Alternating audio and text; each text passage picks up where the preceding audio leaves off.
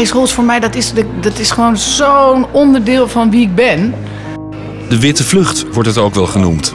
Het is vooral in de steden een feit. Diversiteit gaat over verschillen. Inclusie gaat over hoe je met die verschillen omgaat. En gelijkwaardigheid, wat wij er graag aan zouden willen toevoegen, gaat over machtsverschil binnen verschil.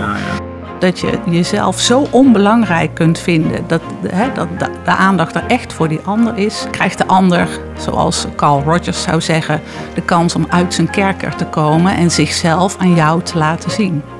Welkom bij de podcast van het lectoraat Waarde en Waarden van het Vrije Schoolonderwijs.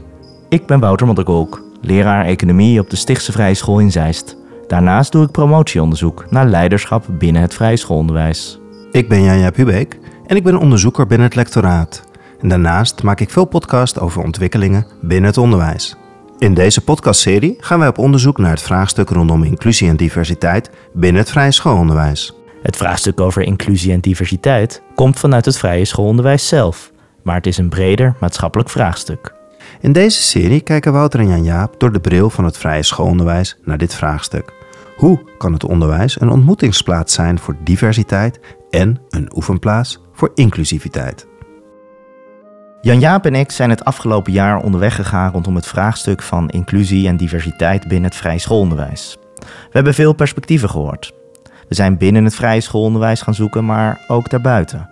Zo spraken we onder andere met leerlingen uit Rotterdam en Zeist, leraren, oud-leraren en leidinggevenden van vrije scholen en met de voorzitter van de Vereniging van Vrije Scholen. We spraken ook met mensen van buiten het vrije schoolonderwijs, die van buiten naar binnen keken. Maar ook met mensen die beide perspectieven, het binnen- en het buitenperspectief, met elkaar konden verbinden.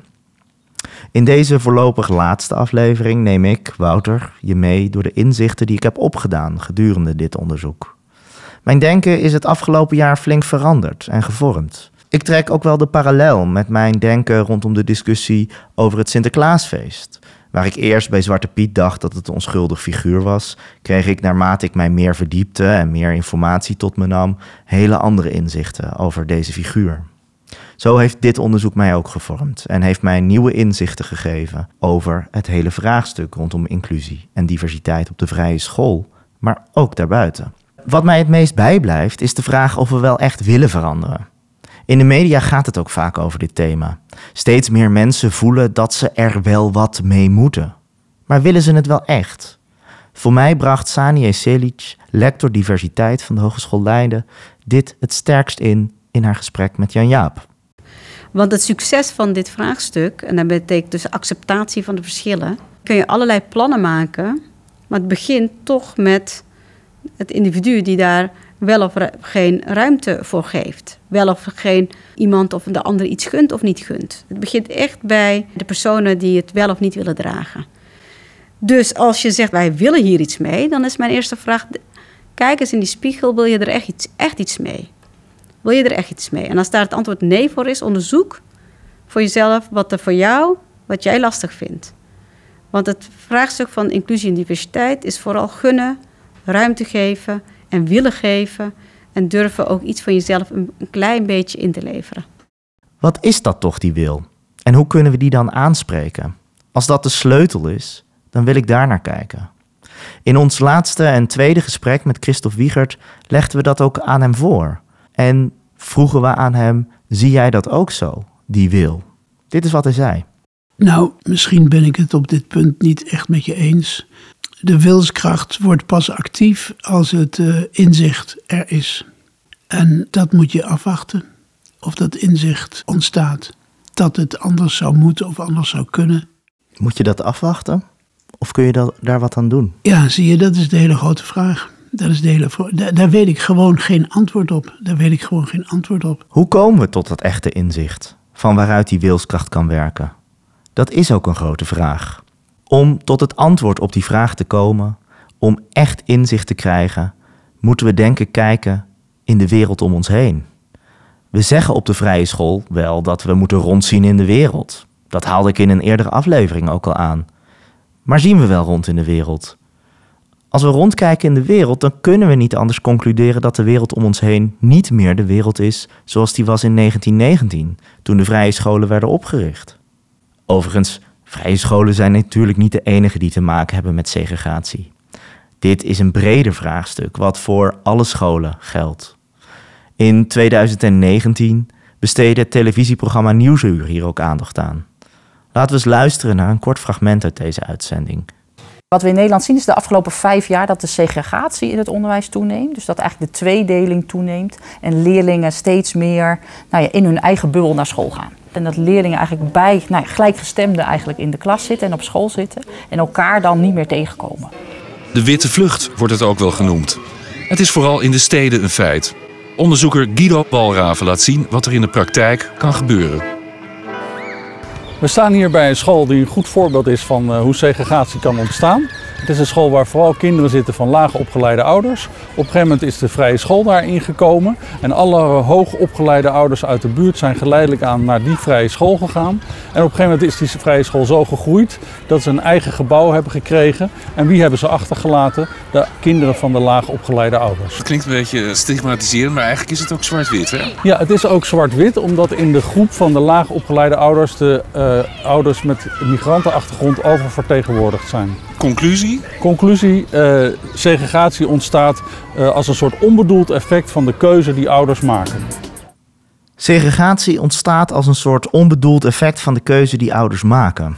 Dat is de laatste zin waar de onderzoeker mee afsluit, die het hele probleem rondom deze segregatie in het onderwijs onderzoekt. En je hoort ook dat de vrije school wordt aangehaald als een voorbeeld. Een voorbeeld waar dat misschien het sterkst gebeurt, of waar dat heel sterk gebeurt. In de vorige afleveringen hebben we ook onderzocht of het de pedagogiek is van de vrije scholen die uitsluit of dat andere factoren hierin een rol spelen. Leraar van de Stichtse Vrije School, Karen Witsenburg, die zei hierover het volgende. De methode op zich sluit het niet uit. Het zijn de mensen in die vrije school die anderen buitensluiten. En dat is eigenlijk ook wel weer gunstig, want het betekent niet dat je de methode hoeft te veranderen, maar dat je de mindset moet veranderen. En ik denk dat we het daarover moeten hebben. De mindset van de, van de leraren die uh, de vrije school vormen. En wij hebben een grondsteenspreuk hè, van deze vrije school. Open naar alle richtingen is een, is een zin in die grondsteenspreuk. Die de eerste zin. Ja, die vind ik heel mooi. Maar mensen staan niet open naar alle richtingen. Karen stelt dat de pedagogiek van het vrije schoolonderwijs niet excludeert, maar dat het de mensen zijn die onbedoeld de ander buitensluiten, omdat zij een gesloten bubbel vormen. Als ik de afleveringen beluister die we hebben gemaakt, dan zie ik dat er eigenlijk twee bewegingen gemaakt moeten worden om inclusiever en diverser te worden. Je zou kunnen zeggen dat het gaat om een innerlijke beweging en een uiterlijke beweging. De innerlijke beweging, daar begint het bij. Dat is ook wat Christophe net noemde over het tot inzicht moeten komen, zodat vanuit het inzicht de wil kan gaan werken. Dit sluit ook mooi aan bij het proefschrift van Lisette Bastiaans over aandachtige betrokkenheid. Zij schetst hierin drie pedagogische bewegingen. Ik beschrijf dus drie bewegingen die, eh, waarvan ik zeg dat die alle drie iets doen waar het gaat om het laten oefenen met het als mens verschijnen. En dat die bewegingen eigenlijk in enige vorm samen in beeld zouden moeten komen. En aandachtig zijn gaat dan, ik noem dat de binnenkomende beweging.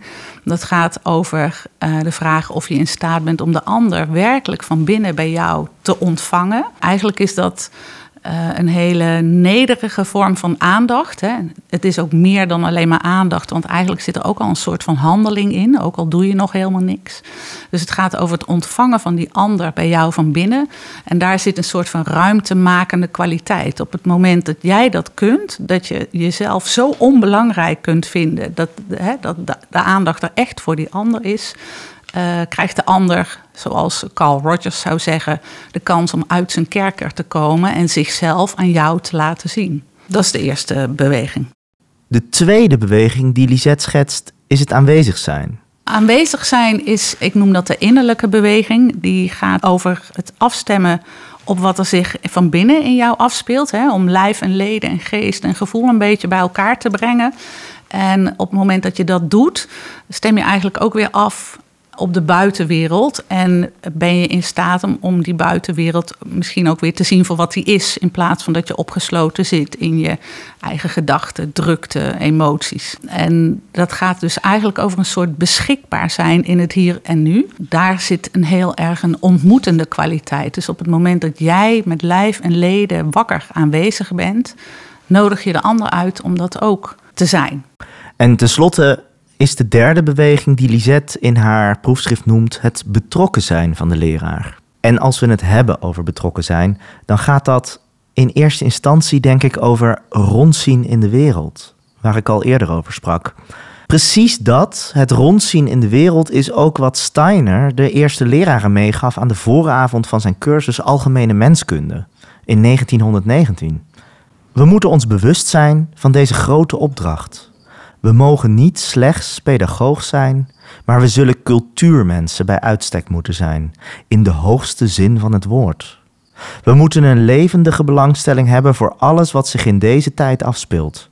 Anders zijn we slechte leraren voor deze school. We mogen ons niet alleen inzetten voor ons specifieke taakgebied. We zullen alleen goede leraren zijn wanneer we een levendige belangstelling hebben voor alles wat er in de wereld gebeurt. Juist door deze interesse voor de wereld kunnen we het enthousiasme krijgen dat we nodig hebben voor onze school en voor ons werk. Daar hebben we een flexibele geest voor nodig en overgave aan onze taak. Voor mij laat dit fragment uit zijn lezing zien dat we moeten rondzien in de wereld en dat we flexibel moeten zijn. En dat we moeten zoeken naar de perspectieven die misschien niet automatisch tot ons komen. In de vorige aflevering kwam dit ook terug. Toen werd een fragment uit het boek Wij slaven van Suriname van Anton de Kom voorgelezen, waarin hij het heeft over die verschillende perspectieven. Namelijk het perspectief bovendeks, datgene wat we misschien altijd zien of altijd dachten te zien, en het perspectief van benedendeks, dat wat we niet direct waarnemen, maar wel kunnen weten als we betrokken in de wereld rondzien en echt rondzien. Hierboven ruikt gij de prikkelende lucht van teer en de zilte zeewind. Daar beneden stinkt het naar zweet en de uitwerpselen van duizend in het ruim gepakte slaven. Hierboven hoort gij de kreet van den albatros, de zingende matrozen en het geruis der golven. Daaronder hoort gij het gejammer der slaven, de kreten van een vrouw in banensnood en de zweep die neerzuist op de ruggen der zwarten. Als ik dit zo beluister, dan denk ik dat het er niet om gaat dat we de perspectieven bovendeks gaan cancelen, niet meer zouden moeten vertellen, want ze zijn gebeurd, maar dat we de perspectieven beneden deks gaan toevoegen. Nina Hosseini verwoordde dit in een gesprek met ons als volgt. We hadden in de zevende klas, en ik, ik zag dat, uh, dat vrij scholen dit nog steeds doen, dus dat was niet uh, uitzonderlijk, hadden periode ontdekkingsreizen. Of ontdekkingsreizigers bij geschiedenis. En um, ik had ook even in de schoolgids gekeken en daar las ik iets over dat, dat periode ontdekkingsreis aansluit bij de innerlijke behoefte van het kind om, om grenzen te verkennen en te verleggen. En dat je leert over de moed van mensen als Columbus. Dat vond ik nogal pijnlijk om te lezen, eerlijk gezegd. Dat is iets wat ik als twaalfjarige uh, nog niet meteen helemaal door had. Want zoals ik zei, uh, ik ben lang opgevoed met het, of opgegroeid met het idee dat ik dus ook die witte mens was op, op wie alles was afgestemd. Maar met de kennis van nu, nu ik me meer heb verdiept in racisme, denk ik, daar zitten best wel interessante elementen in. En ook wel problematische elementen. Want het idee dat, dat nou, wat hier het ontdekkingsreizen van, van iemand als Columbus wordt genoemd, dat, dat, wordt nu um, grenzen verleggen genoemd en, en grenzen verkennen en periode ontdekkingsreizigen. Nou, je zou het in feite ook periode start van kolonisatie en massamoord kunnen noemen, maar dat klinkt wat minder gezellig. Dus dat doen we niet. Hier haalt Nina voor mij een heel fundamenteel punt aan.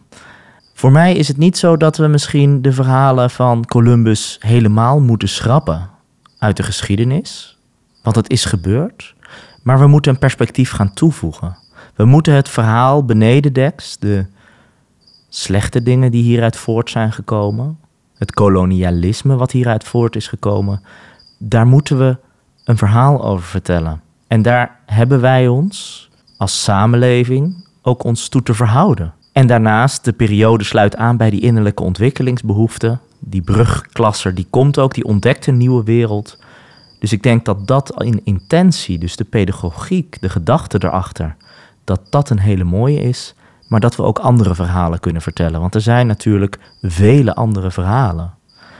Alleen, die kunnen we alleen zien als we kijken in de wereld.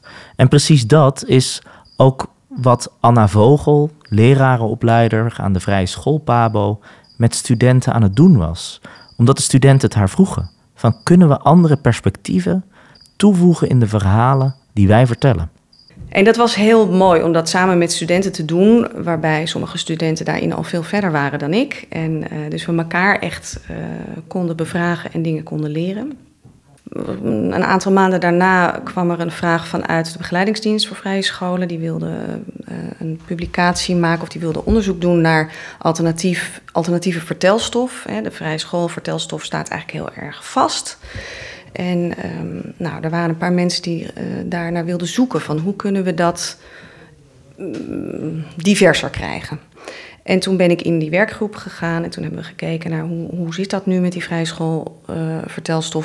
Hoe gaat dat wereldwijd op vrije scholen? Um, wat is de betekenis? Wat is de, waarom uh, wordt die vertelstof in die klas verteld? En, en hoe, kunnen we daar, hoe kunnen we daar iets meer beweging in krijgen? Ja, hoe kunnen we daar iets meer beweging in krijgen? Dat sluit natuurlijk ook weer aan op die flexibele geest waar Steiner het over had. En we zouden ook echt naïef zijn en niet wereldgericht als we die andere perspectieven, die andere verhalen niet zouden inbrengen in de ontmoetingen die we met onze leerlingen hebben. Dus je zou kunnen zeggen, om een uiterlijke beweging te kunnen maken, moet je eerst innerlijk in jezelf iets doen. Zoals Lisette dat verwoordde, onder andere. We moeten ons flexibel opstellen, want als wij star vasthouden aan vormen, dan kunnen we gaan excluderen. En dat is wat bijvoorbeeld de studenten van nu op de vrije school Pabo ook ervaren en zien. Jan-Jaap en ik zijn ook op bezoek geweest bij Waldorf aan de Werf. En daar vertelde schoolleider Jamila Blom hoe zij aan de slag gingen met die andere vorm die zo dominant is binnen het vrije schoolonderwijs. En dan heb ik het over de jaarfeesten. Heel veel van de jaarfeesten op vrije scholen zijn ingegeven vanuit het christendom. Jamila zei hierover het volgende. Uh, logisch is het vanuit het christendom, omdat dat in die tijd hè, het belangrijkste geloof was. Zeker in Duitsland is het ook ontwikkeld. Um, maar eigenlijk als je terugkijkt naar de jaarfeesten, het gaat om het ritme van het jaar. En, en, en, en die veiligheid en de verbondenheid die dat, die dat zorgt, dat je weet waar je aan toe bent. Voor.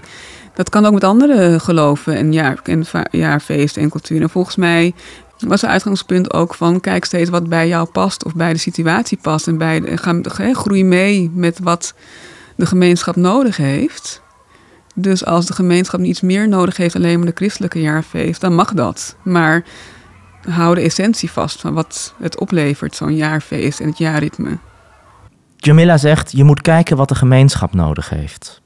En als we kijken naar de gemeenschap van nu, dan zien we gelukkig dat er steeds meer maatschappelijke aandacht wordt besteed aan feesten zoals Katie Kotti. Een feest is dat steeds vaker gevierd wordt. En ook dat leerlingen steeds vaker de vraag hebben om hier aandacht aan te besteden. Hier vertelde ook Insaf uit Rotterdam over. Ik heb nooit de les gehad bijvoorbeeld over slavernij.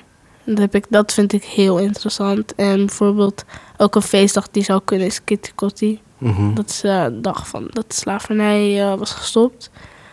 Uh, ja, ik vind dat in de geschiedenis wel kan toepassen. Ook in een periode, dat het een periode zou kunnen zijn.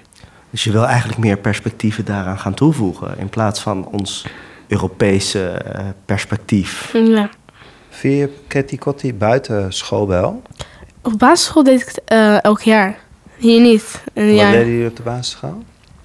Um, er kwam eigenlijk altijd iemand iets uitleggen wat het was. Want natuurlijk, we waren jong. Dus we wisten het natuurlijk niet.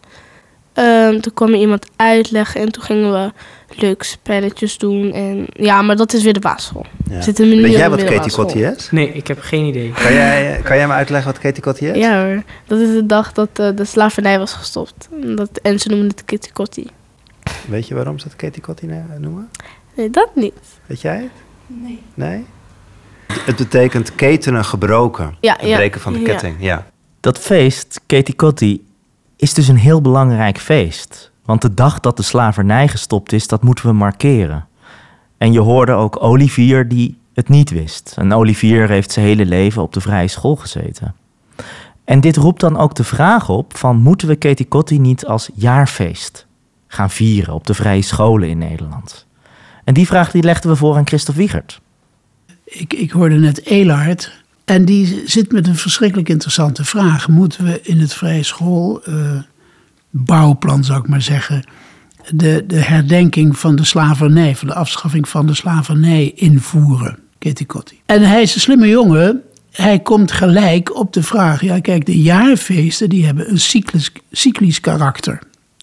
Kitty Kotti heeft een, eh, laten we zeggen, een punctueel karakter daar spreekt hij al iets ontzettend wezenlijks in uit.